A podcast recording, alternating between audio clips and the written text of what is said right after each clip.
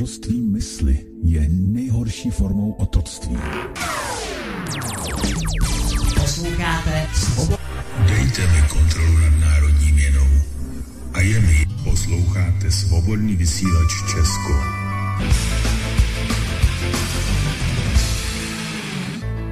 Přinášíme aktuality o tom, co se právě teď děje na Midgardu.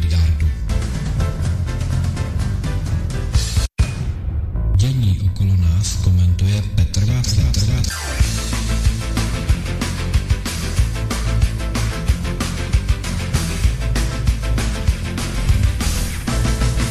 Vítám vás ze studia Midgard, vítám vás od mikrofonu Petr Václav, no a jsem velice rád, že se můžeme dneska opět slyšet. Eh, kdybych to zhrnul, tak ten dnešní den byl velice, ale velice zajímavý z mnoha úhlů pohledu.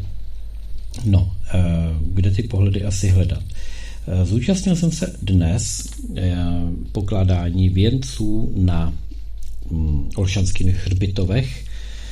Eh, zval jsem včera, když jsme měli vysílání s Pavlem historii na Ruby, tak jsem zval, ať přijdete, nevím, kolik lidí tam přišlo na tu výzvu slyšících, nicméně mě potěšilo, že tam nebylo lidí z vůbec málo. Eh, bylo nás tam dost, eh, položilo se velké množství květin, věnců, mm, přicházeli lidé, ať už mladí nebo středního věku i staří.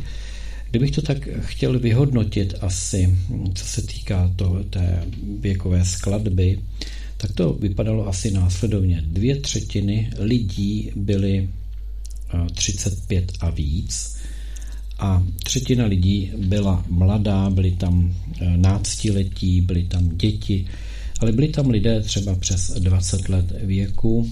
Eh, bylo to velmi potěšující z toho úhlu pohledu, že tedy eh, vážili tu cestu a přestože když jsem odcházel mm, už po té úvodní takové té oficiální akci, kdy hrála posádková hudba, hráli virbly, když se vždycky pokládal jednotlivý ten věnec, byla tam vyčleněna ehm, vojsko, tam bylo vyčleněno vždycky dvojice, která uchopila ten věnec, odnesla ho tam, položila, stála se čestná stráž, padly i výstřely, eh, salvy, čili byly uděleny a předány pocty těm, kteří se postarali o to, že my dnes tady můžeme žít v míru a ne v, če, v německy mluvící říši v Rajchu, kde bychom asi vůbec o slovanství už nemohli otevřeně hovořit a nemohli bychom se takhle otevřeně bavit, jako se bavíme třeba dnes či v jiných pořadech, ať už ve studiu Midgard, anebo třeba v jiných studiích tady na svobodném vysílači. Ta akce byla jako každý rok eh, za krásného počasí. Opět dneska počasí vyšlo. Ehm, neviděl jsem tam tedy žádné představitele typu premiér. To už loni nebylo, protože Sobotka radši navštívil nějaké fórum ekonomické, které se konalo v Praze. Neviděl jsem tam zástupce eh, slovanských a vlasteneckých organizací, kteří tak rádi hovoří o tom, jakými jsou Slovany, ale dá se říct, že kromě eh, Radky z Institutu strategických slovanských studií, kromě kozáků, vedené té, té stanice vedenou Zjubou, kromě Saši, který zase vede druhou kozáckou organizaci, nebo je ve vedení té další kozácké organizace, byli tam církevní pravoslavní, kteří tam vykonali takovou malou mini, mini zpívanou mši. Bylo to, bylo to na to, že to je taková smutná záležitost, tak to bylo velice oslavné a bylo to důstojné, řekl bych za přispění velkého množství lidí. Nedávali se květiny jenom k těm k tomu oficiálnímu, tedy památníku jako takovému, ale v podstatě přicházeli lidé se stužkami s takovými těmi oranžovo-černými, jak už jsme se naučili eh, je výdat, jak v Moskvě, tak tady i tady v Praze. Přicházeli a kladli karafiáty, kladli, růž, kladli růže, eh, různé typy květin přinášeli a dávali je i na ty jednotlivé hroby, kterých tam na tom vojenském hřbitově leží, nebo je tam velká řada. Eh, pak se odehrával pochopitelně ten další akt zase v té další zóně a části. Čili alespoň se dá říct, že tímto způsobem ty oficiality, byť tam nejsou přítomni ti, kteří by tam asi být měli, aby vzdali ten hold správnou formou, tak ale to nějak proběhlo. Takže byl jsem rád, že e, pravděpodobně i mnozí, kteří posloucháte naše vysílání a jste někde z Prahy a z okolí, takže jste se zúčastnili a že jsme společně tedy mohli přispět k uctění této památky. No a já jsem včera slíbil, že mám tady takový článek, respektive výňatek eh, z jednoho díla pamětníka pana Komárka, který se váže k tomu konci války a já bych vám ho rád tady přečetl. Ale myslím si, že na ukončení toho, jak jsem hovořil o té akci, o tom pětním aktu položení květin a věnců, tedy k oficiálnímu památníku padlým rudoarmějcům a dalším vojákům jiných národností a národů na Olšanských hřbitovech, tak by si to, myslím, zasloužilo eh, jeden takový, myslím si, pěkný předěl.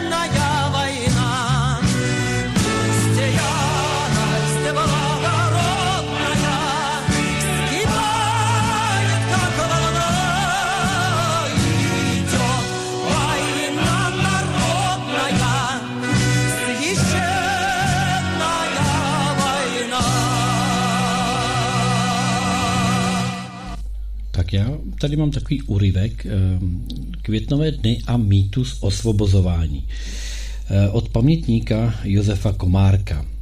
Ehm, je tady tedy mm, nějaký takový úvod, ale já ho přečtu. Zase budou plzeňáci řádit a oslavovat, jak američané osvobodili Plzeň a kritizovat, jak amíci nesměli dál a obstarožní plzeňští pubertáci budou v dobových kostýmech jezdit v džípech a hrát si na vojáčky. Pak je tady obrázek mm, nejenom pana Komárka, ale je tady obrázek rozbombardované Škodovky po Dubnovém náletu v roce 45, kdy tedy e, bylo rozhodnuto, že to, co zůstane v ruské zóně, nesmí zůstat kámen na kameni. E, k tomu je text. Nějak se pomíjí, že Paton na osvobozování Čech neměl, byl součástí Deversovy armády, která táhla údolím Dunaje k Regensburgu. Měla za úkol přetnout Německo a jen okrajem fronty zasáhla západní Čechy a Paton měl jen 150 tisíc vojáků, zatímco Scherner jich tady měl až, až 1,5 milionu a Aik tažení do Čech neplánoval. I tak padlo na západě Čech snad několik stovek amíků a každá oběť si zaslouží úctu.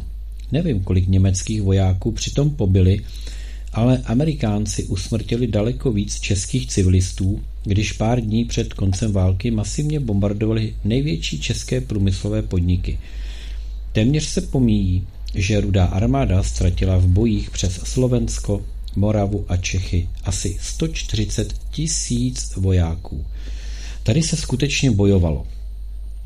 A jak moc se vlastně jednalo o osvobozování, a to na obou frontách, západní i východní. To osvobozování je takový náš mýtus. Takhle to vnímáme jen my, ale jak to vnímali frontoví vojáci? Eisenhower píše, že k tažení do Evropy dostal směrnici, jejíž hlavní odstavec zněl Vstoupíte na evropskou pevninu a spolu s ostatními spojeneckými národy provedete operaci namířenou proti srdci Německa a na zničení německých ozbrojených sil. Zničení nepřátelských ozbrojených sil bylo tedy jeho hlavním úkolem. Na nějaké osvobozování se invazivní vojska příliš nezaměřovala, jak je patrné z celých Eisenhowerových pamětí.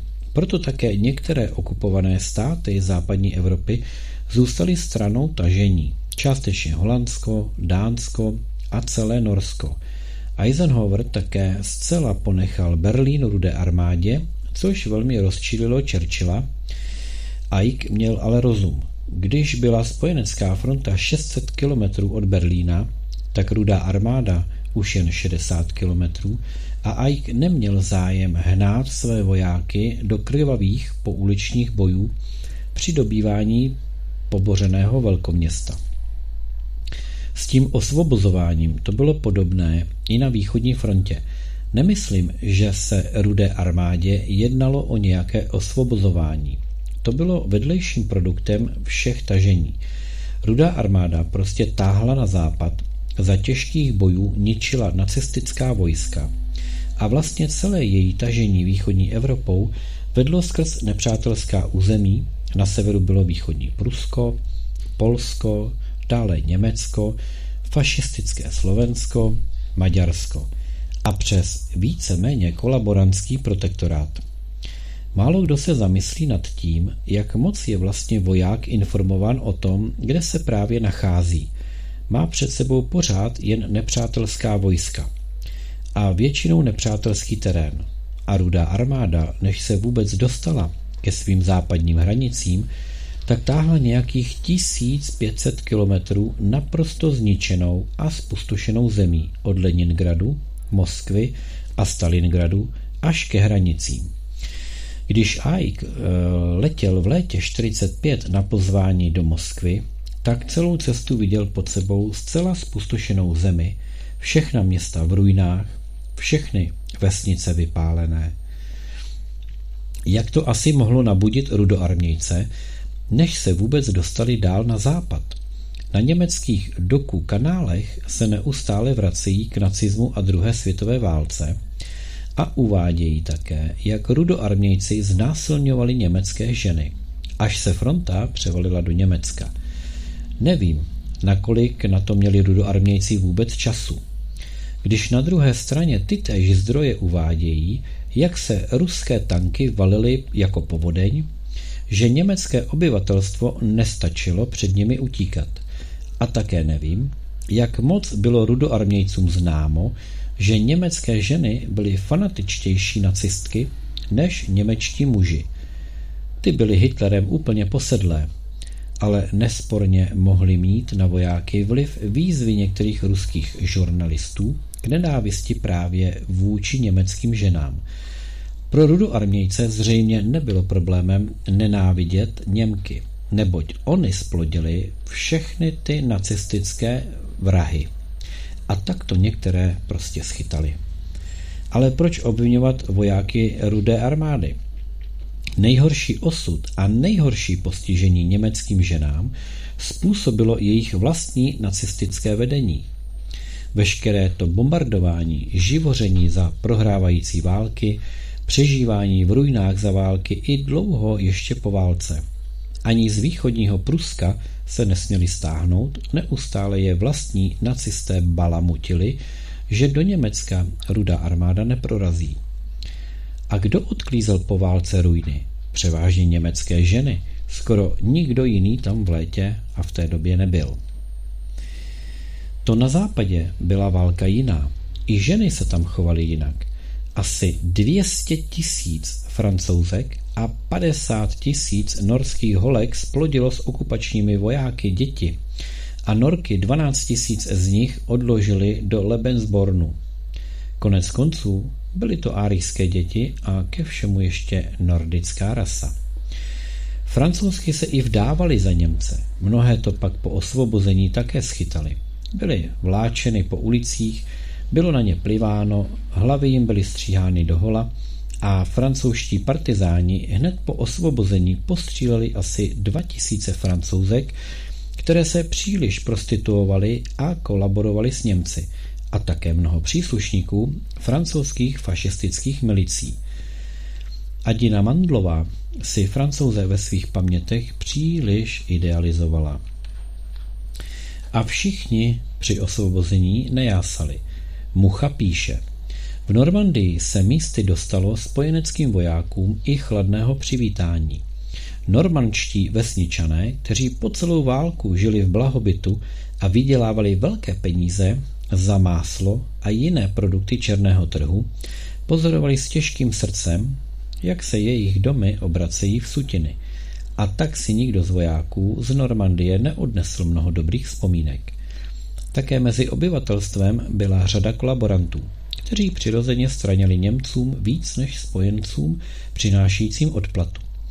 Až když spojenci opustili Normandii, změnila se krajina v dělnické okresy, zmizelo mléko a máslo, zlato bylo více praporů a jásavějšího vítání.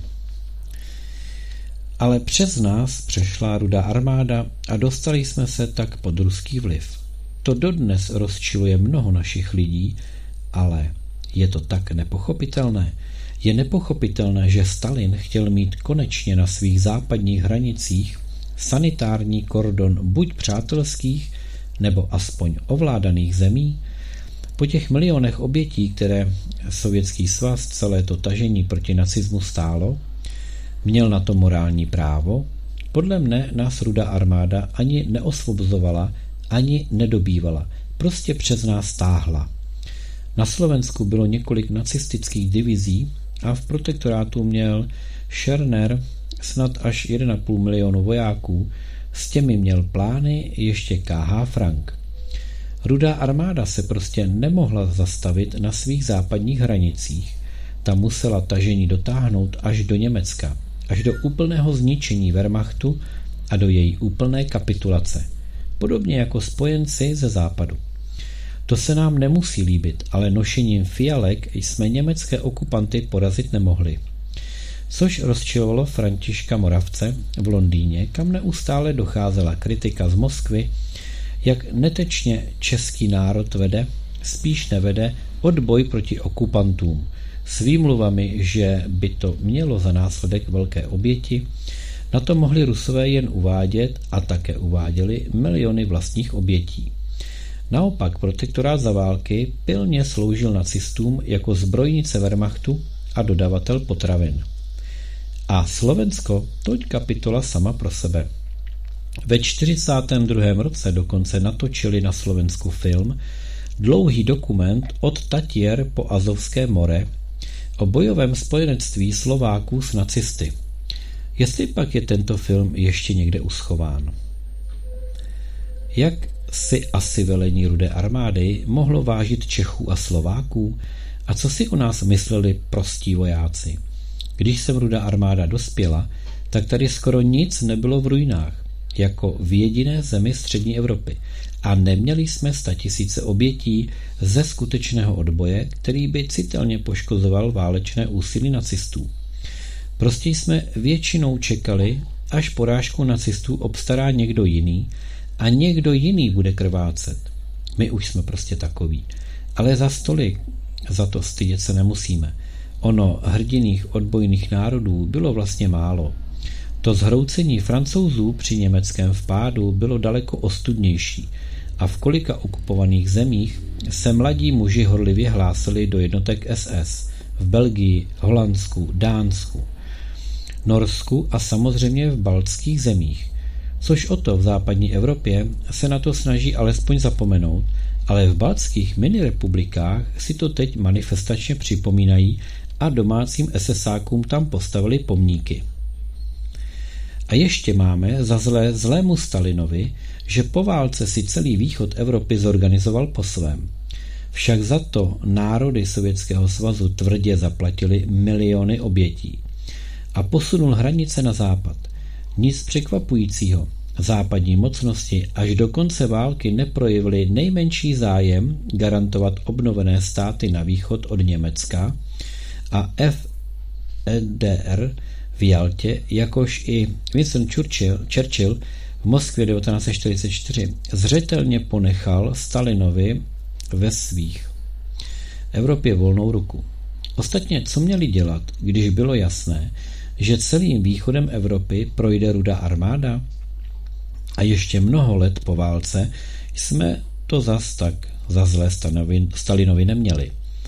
Ono nám to na druhé straně zajišťovalo bezpečnost před německým revanšismem. Na to už si dnes nikdo nevzpomene. Nikdo už si nevzpomene ani na to, že poválečné období, obnovení Československa ani zdaleka nebylo samozřejmostí. Na tom legendárním cáru papíru, na kterém si Churchill se Stalinem rozdělovali sféry vlivu, Československo nebylo vůbec uvedeno. Přitom ten papír vypsal Churchill, Stalin ho jen odfajfkoval. A bylo. Ostatně s Benešem v Londýně málo kdy kdo jednal. Byl víceméně na obtíž, s Churchillem se Beneš setkal naposled v lednu 1944 a to v Egyptě, když se vracel z Ruska. A to zbývalo do konce války skoro ještě rok a půl a do otevření druhé fronty ještě skoro půl roku. V té době už se nesetkali. A tak se vůbec nedivím Benešovi, když se při obnovení Československa opíral o Stalina. Soudobí nevzdělanci by se měli seznámit s tím, jak po celou válku Beneš těžce zápasil a od uznání mnichovského diktátu a obnovení Československa v předválečných hranicích. Němečtí vysídlenci z východních území měli jen do roku 1948 od spojenců zakázáno zakládat organizace vysídlenců. Ale pak je hned zakládali a byli velice aktivní a v roce 1953 jim na velkém letním schromáždění Adenauer hlásal do mikrofonu, že je přesvědčen, že se navrátí a jejich území zase budou německá. Následoval bouřlivý souhlas. Až v roce 1970 Willy Brandt potvrdil, že Německo uznává hranici Odra-Nisa, což vyvolalo protestní demonstrace všelijakých Landsmannschaftů. A ještě v roce 1990 vykřičeli totiž Helmuta Kohla, Titiž vykřičeli Helmuta Kohla, když jim v projevu říkal, že východní hranice Německa je realitou, která se už nezmění. To všechno je filmově zdokumentováno. A jak se v tomhle matlal náš státní prezident Václav Havel, to je kapitolou samou pro sebe. Stalinovi lze předhazovat mnohé, ale podle mne nejostudnější operaci na osvobozeném území byla intervence britských jednotek proti řeckým partizánům. Churchilla tak rozčílila představa, že po odtažení Němců z Řecka by se vlády zmocnily levicové partizánské síly, že neváhal poslat britskou divizi k intervenci do Řecka a na štědrý den 1944 letěl dokonce celý rozčílený do Řecka, a to byla tehdy cesta přes Gibraltar na desítky hodin, aby donutil své generály skutečně střílet do řeckých partizánů, tedy v době, kdy spojenci dostávali v Ardenách silně na frak. A tak stříleli. A bylo mnoho mrtvých, což pobouřilo i americké novináře. A Stalin dodržel ujednání, tedy to, co odfajfkoval, a do této akce se nemíchal. Řečtí reakcionáři a domácí fašisté byli Churchillovi milejší. A tak vznikla v Řecku zdlouhavá občanská válka, která se pak vlekla roky. Složitá byla za války situace v Jugoslávii. Mnoho bojů, mnoho mrtvých, nicméně tyto uchránil po válce zemi před Stalinovým vlivem a se Stalinem například smluvně vyjednal průchod rudé armády Jugoslávii. Přes naší zemi nakonec přešla rudá armáda a dostali jsme se pod vliv Moskvy. Je pochopitelné, že mnoho vojáků rudé armády nebyli žádní fajnoví estéti. Ani to nebyli všechno rusové. Škvorecký viděl mongolčíky a tak tady možná někteří udělali i nějaké výtržnosti, nejspíš opilí.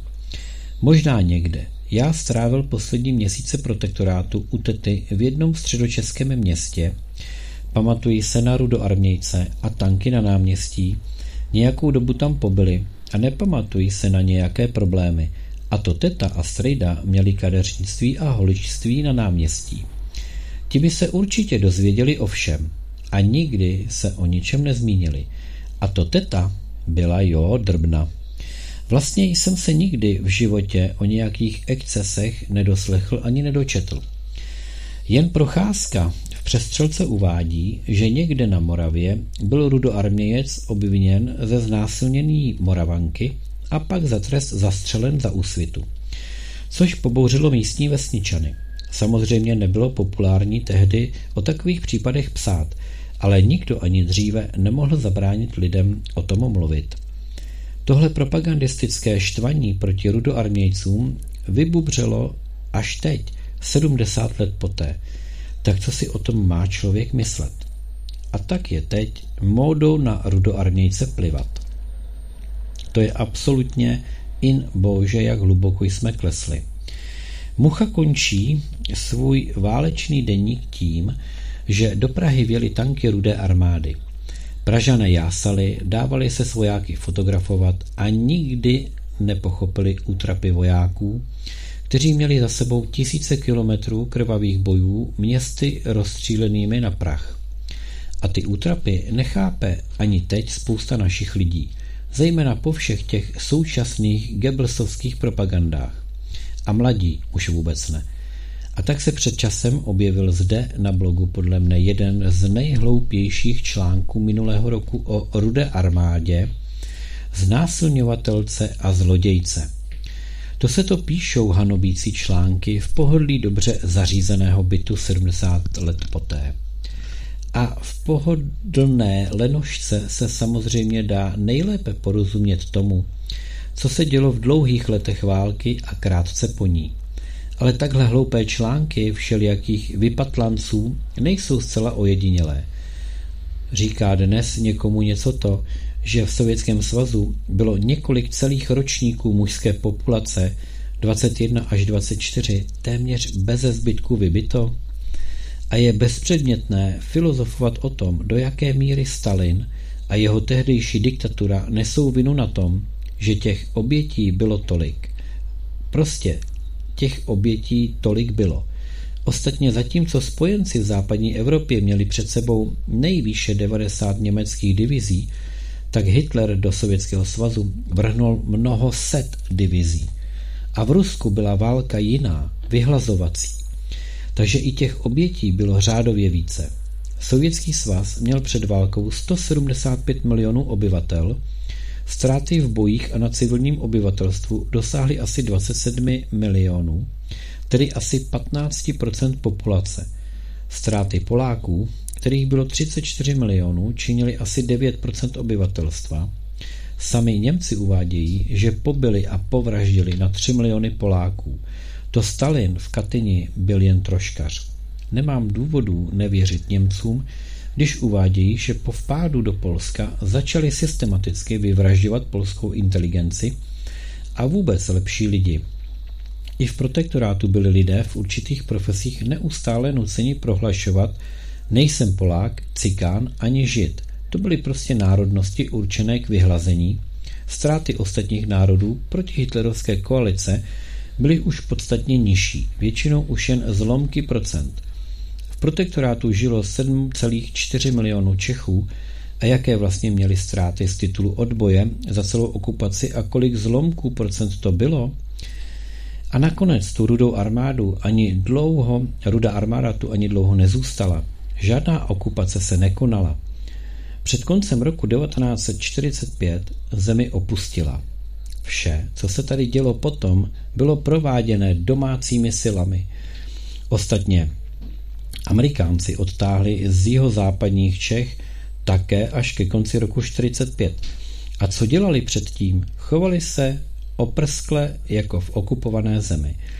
Neuznávali československé orgány, speciální komando US Army své volně a drze vybralo, odvezlo bedny nacistických dokumentů z takzvaných Štěchovického úložiště, což vyvolalo ostrou reakci československé vlády, něco pak po protestu naši, naší vlády vrátili, až si to přebrali, suverénně odvezli z jednoho jeho českého kláštera umělecké cenosti, které nakradené tam nacisti schromážili z celé Evropy. Na to si dnes žádný propagandista nevzpomene. A teď mě napadá, má Praha vůbec nějaký důstojný památník na paměť těch mnoha desítek tisíc padlých rudoarmějců přitažení Slovenskem, Moravou a Čechy? Když těch pár idiotů zhanobilo a posléze odstranilo ten tank na Smíchově, jakoby záleželo na tom, jestli ten tank byl pravý. Bože, takové námahy a nákladů jen proto, aby bylo plivnuto na památku milionů obětí rudoarmějců. A jsou další idioti, kteří hanobí další pomníky. Ono se jedná jen o docela obyčejnou slušnost. Ale ta se od těch idiotů očekávat nedá. Naštěstí v blízkém okresním městě velkou sochu rudoarmějce nikdo nezhanolbil. Zatím. Je otázkou, kdy všelijací ti profesoři buznové z těch obskurzních univerzit k tomu někoho svým štvaním doženou. Svým způsobem měl Stalin k takzvanému svobodnému západu nedůvěru oprávněně. Nedůvěra byla oboustranná. Ta nedůvěra je oprávněná do dneška. Vlastně to trvá už celé století, že ruské území je neustále agresivně napadáno nebo aspoň atakováno. Počínaje intervencí po bolševické revoluci, kdy na Rusko táhlo 16 intervenčních armád. Ne, že by byli rusové nějací svatoušci, ale přece jen kromě několika zásahů na mnoze brutálních v zemi svého vlivu po roce 45 už prakticky žádné jiné agresivní války nevedly, s výjimkou snad Afghánistánu a to byl vlastně boj proti islamistům. Nebo zasahovali těsně za svými hranicemi ve prospěch přesahujícího ruského osídlení, které bylo nějak atakováno, když zůstalo nešikovně trčet za ruskými hranicemi po rozpadu Sovětského svazu. Rozhodně za sebou nenechali miliony mrtvých. A to na rozdíl od jiných agresivních velmocí USA, Británie, Francie, Belgie – Kolik jen ty vedli po roce 45 válek a většinou tisíce kilometrů od svých území. Kolik ty organizovali a financovali pučů, rozvratů a kolik milionů lidí přitom připravili o život. A kolik desítek až set tisíc životů vlastních vojáků, na to jejich politici obětovali. Samozřejmě politici vždy zůstanou v pohodlí doma. A dělají to do dneška. Jak by bylo možno těmto velmocím důvěřovat? Co se jen naslibovali po roce 1990. Ale ony ty imperialistické mocnosti na to byly zvyklé po staletí. Kolik imperialistických válek vedli jen v 19. století. Američané se španěli na Kubě a na Filipínách, Britové v Číně a v Indii. Když potlačovali povstání 1857, tak britští vojáci z bouřence po tisícovkách čtvrtili, prostřelovali z děl, nabodávali na kůl a mučili, vybíjeli celé vesnice, aby potrestali vzpouru proti Britům, proto jsou také Britové těmi nejpovolenějšími specialisty pro výcvik kijevských gardistů a podobných banditů. Dále v Egyptě, na Krymu vedli krymskou válku, v Sudánu i jinde v Africe, v Jižní Africe s holandskými bůry a tak dál. Pokud možno na územích tisíce kilometrů vzdálených, kde neměli vůbec co pohledávat. Však také až do Velké války česká populace nebyla vůbec anglofilní. Pro ní byli Britové horšími imperialisty než vídeňská monarchie. Jenomže co teď západním imperialistickým mocnostem zbývá, když vznešený boj proti východu byl nad síly pana Hitlera, kdo se má ujmout tohoto svatého dějného poslání. Tak to byl výňatek z díla eh, vzpomínek, eh, jak to bylo eh, s tou velkou vlasteneckou válkou, nebo chcete druhou světovou válkou, pamětníka Josefa Komárka. Děkuji Pepovi, že nám poslal tento příspěvek a myslím si, že některým promluvil z duše, jiné možná trochu nadzvedne, ale to je úplně jedno Protože co si o tom, kdo má myslet, my tady neurčujeme. To necháváme na vás. Od mikrofonu ze studia Midgard se s vámi loučí Petr Václav. Россия священная, наша держава, Россия любимая наша страна, могучая воля, Великая слава, Твое достояние на все времена. Славься,